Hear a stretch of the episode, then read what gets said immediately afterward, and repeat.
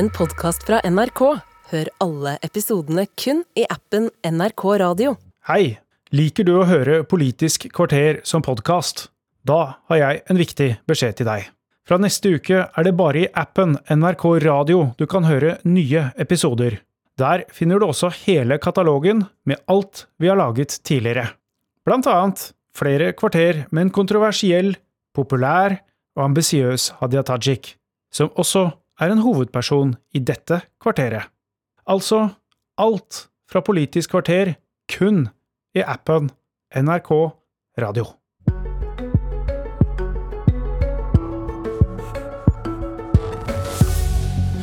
I vest reiser et opprør seg. Den mest fiendtlige regjeringa i manns minne, er påstanden. De snakker om den nåværende, hvis det skulle være noen tvil. Det er ikke bare utenfor regjeringslokalene i Oslo det protesteres. 20. mars sparkes vestlandsopprøret for alvor i gang i Atlanterhavsparken i Ålesund. Med uttalt støtte fra politikere i Venstre, Høyre og Frp, og også sjefen i Norsk Industri, som har Arbeiderpartibakgrunn. Og fra Ålesund er du med, Roger Hofseth, initiativtaker til opprøret og sjef og storeier i eh, lakseselskapet Hofseth International. Hvordan har dere tenkt å kjøre dette kickoffet? Blir det, blir det sang og kampromp? ja, det står igjen å se. Eh, nei, altså vi prøver jo nå å sette i gang en eh, kampanje for å, å eh, prøve å eh, både hente kapital, men sette oss i hop som næring og prøve å eh, få ut mer og bedre informasjon om hva egentlig dette her skatte- og formuesskatten gjør med bedrifter og små, mindre lokale bedrifter. Og i tillegg da få fram dette her forskjellsbehandlinga der at egentlig utenlandske eiere og, og, eh, staten de slipper den skatten, men vi sitter og må ta egentlig da regninga. Jeg skal spørre deg litt om hvordan det treffer det, men, men hvor bredt er dette opprøret? Altså er det, er det millionærer og milliardærer, eller er det, er det vanlige folk som gjør opprør? Nei, altså her på Sunnmøre så er ikke avstanden så stor. Både milliardærer, millionærer og vanlige folk. Vi er på en måte Jeg tror det er litt annet eh, Altså en milliardær eller millionær på Sunnmøre er litt annerledes enn på sentrale Østland, virker det som. Jeg har fått i hvert fall masse støtteerklæringer i gatene, og, og folk har sendt meg meldinger. Så så det, det, er plass til alle, men vi må på en måte begynne en plass. Og vi må begynne å, å eh, Vi skal da begynne å prøve å samle eh, næringslivet. Vi må, for vi må samle kapital. Og vi må legge en strategi og en plan for hvordan vi skal få ut de rette opplysningene. Men når det gjelder deg selv, ja. dere mener at formuesskatt og økt utbyttebeskatning og, og verdsettelse av det du eier, det, det gjør at bedriften din med de skattereglene og endringene, de, vil tappes for investeringer på 100 millioner kroner årlig, som man da dropper. Ja, jeg vil si til neste år. Men det vil jo øke ut ifra eh, For det, er slik at i dag, så for min del, så tar jeg ut ca. litt over en million i lønn. Eh, men jeg kommer til å ende opp I fjor betalte jeg vel ca. 7 millioner i formuesskatt. Neste år så vil det være ca. 17-18 millioner. Og med beskatt på utbytte og alt sånt, så må jo jeg tappe selskapet da for ca. 50-60 millioner.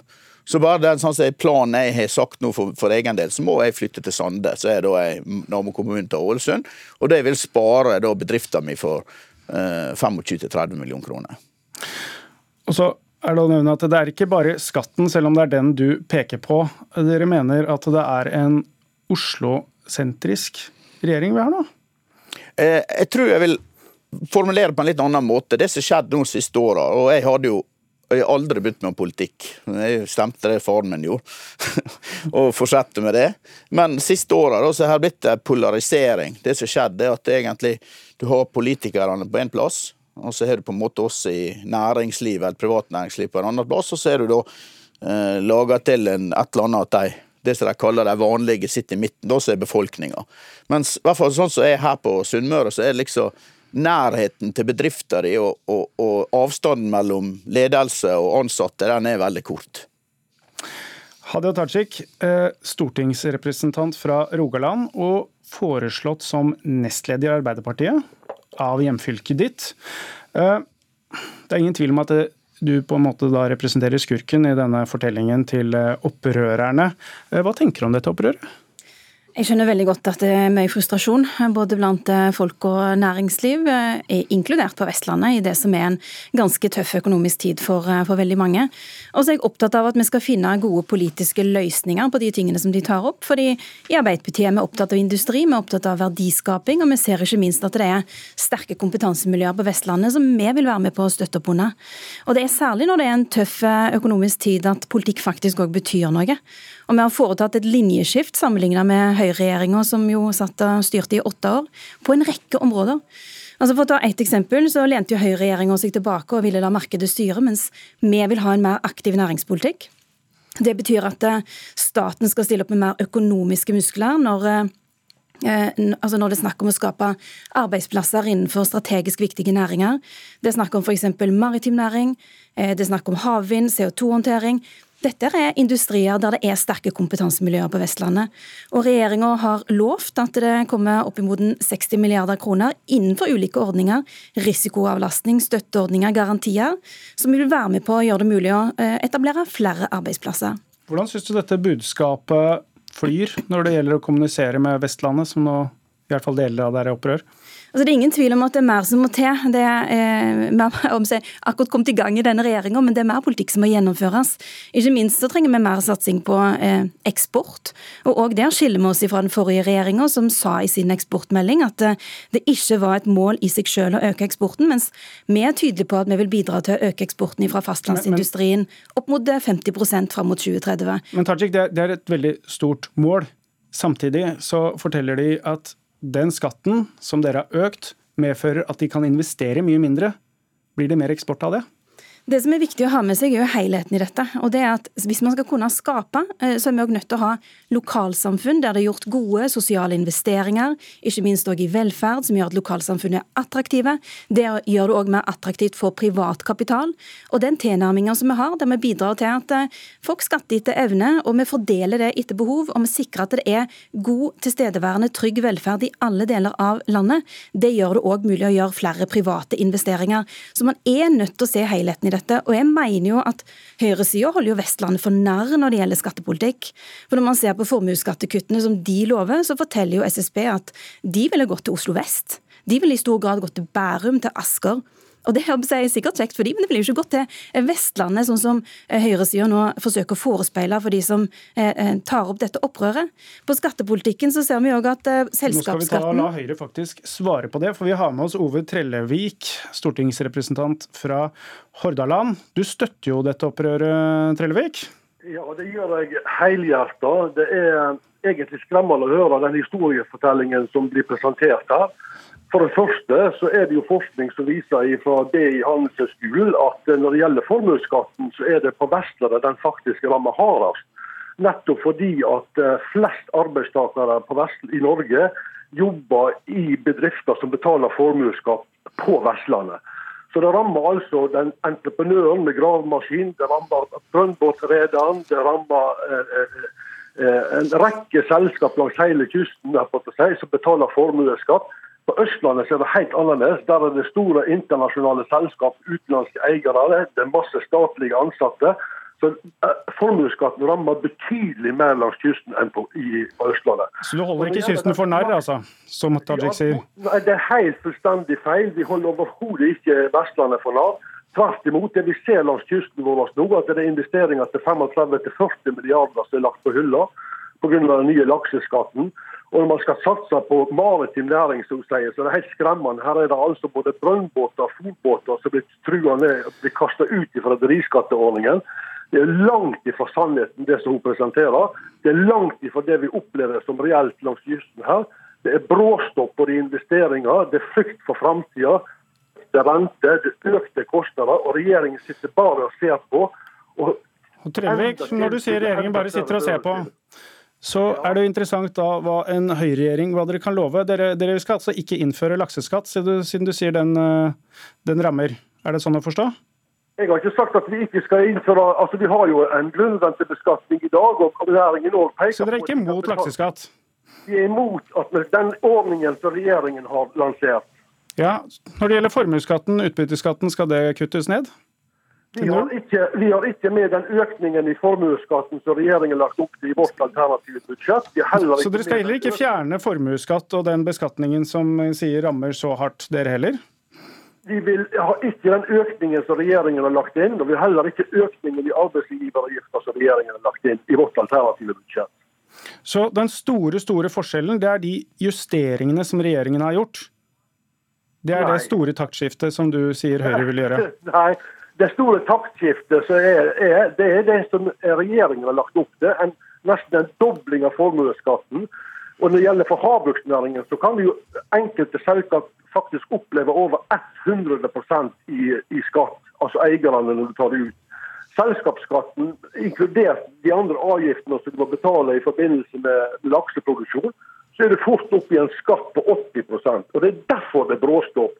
Dette er noe Høyre aldri kommer til å lansere. Høyre kommer aldri til å stemme for den innretningen som regjeringen har lagt opp til. Altså For et dobbeltspill fra Høyre.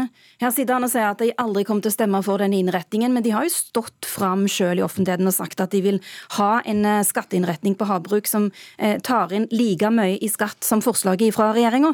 Og så vet vi òg at når det gjelder selskapsskatten og formuesskatten Når det gjelder selskapsskatten og formuesskatten, så var den enten på det samme nivået eller høyere enn det nivået man har i dag, under Erna Solberg som statsminister. Og det det betyr er at hvis, hvis Ove Trellevik virkelig mener at det nivået er så katastrofalt, så er det ganske rart at Erna Solberg styrte landet på et sånt nivå i flere år som statsminister. Og Det betyr med andre ord at det Høyre gjør nå, er at de stiller seg i front for et opprør mot en skattepolitikk som Høyre enten har styrt på tidligere, og hvis vi skal tro på deres alternative budsjett for 2023, er en skattepolitikk som de til og med ville kunne styrt på i dag. Ordene deres har ingen verdi. Hofseth. Ja. Nei, takk for at jeg får slippe til her nå. For at dette her er sånn klassisk. dette her som jeg bruker å si. Du, sitter to, du er i en debatt, og du har en, eh, to forskjellige punkter, og så sitter de egentlig og hakker på, på seg hverandre, hva de har sagt tidligere og alt sånt. Skal vi lykkes som land Vi har et fantastisk land. Vi har fantastiske naturressurser. Vi er liksom the chosen people på kloden. Og hadde politikerne, også uansett hva parti og næringslivet alle hadde vi satt oss ned og brukt og så hørt på de som ikke bare setter en professor som skal bestemme skatt, men setter seg ned og, og, og gå i detalj på hvordan ting, hvordan ting rammer, så hadde vi kunnet bygd et ekstremt effektivt næringsliv. Og vi kan ikke glemme at vi er en stor verden. Vi er ikke bobla uh, Norge. Vi, er, vi skal konkurrere. Vi skal ha samme altså, Skatt er greit, så lenge skatten ikke blir konkurransedriven med utlandet.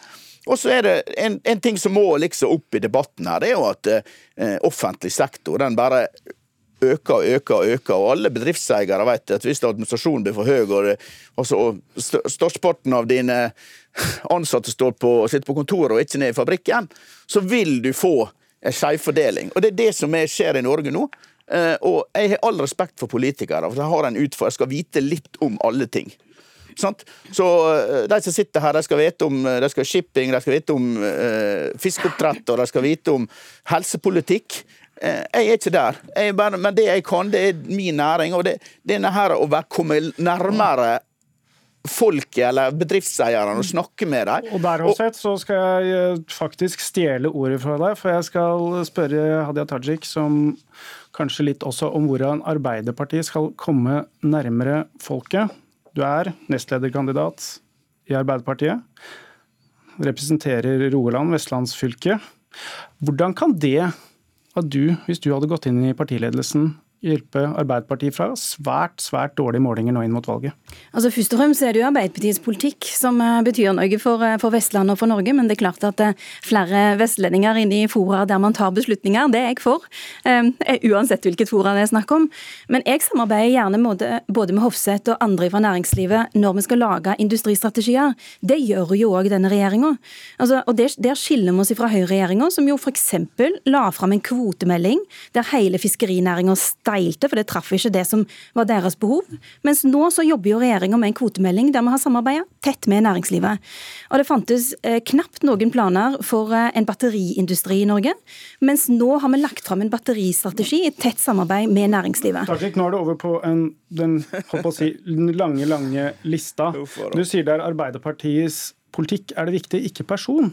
Så hvordan hjelper det da om du går inn i partiledelsen hvis det er politikken og ikke personen som hjelper? Altså, Det er alltid politikken som er aller viktigst, men jeg sa ikke at personer er uviktig.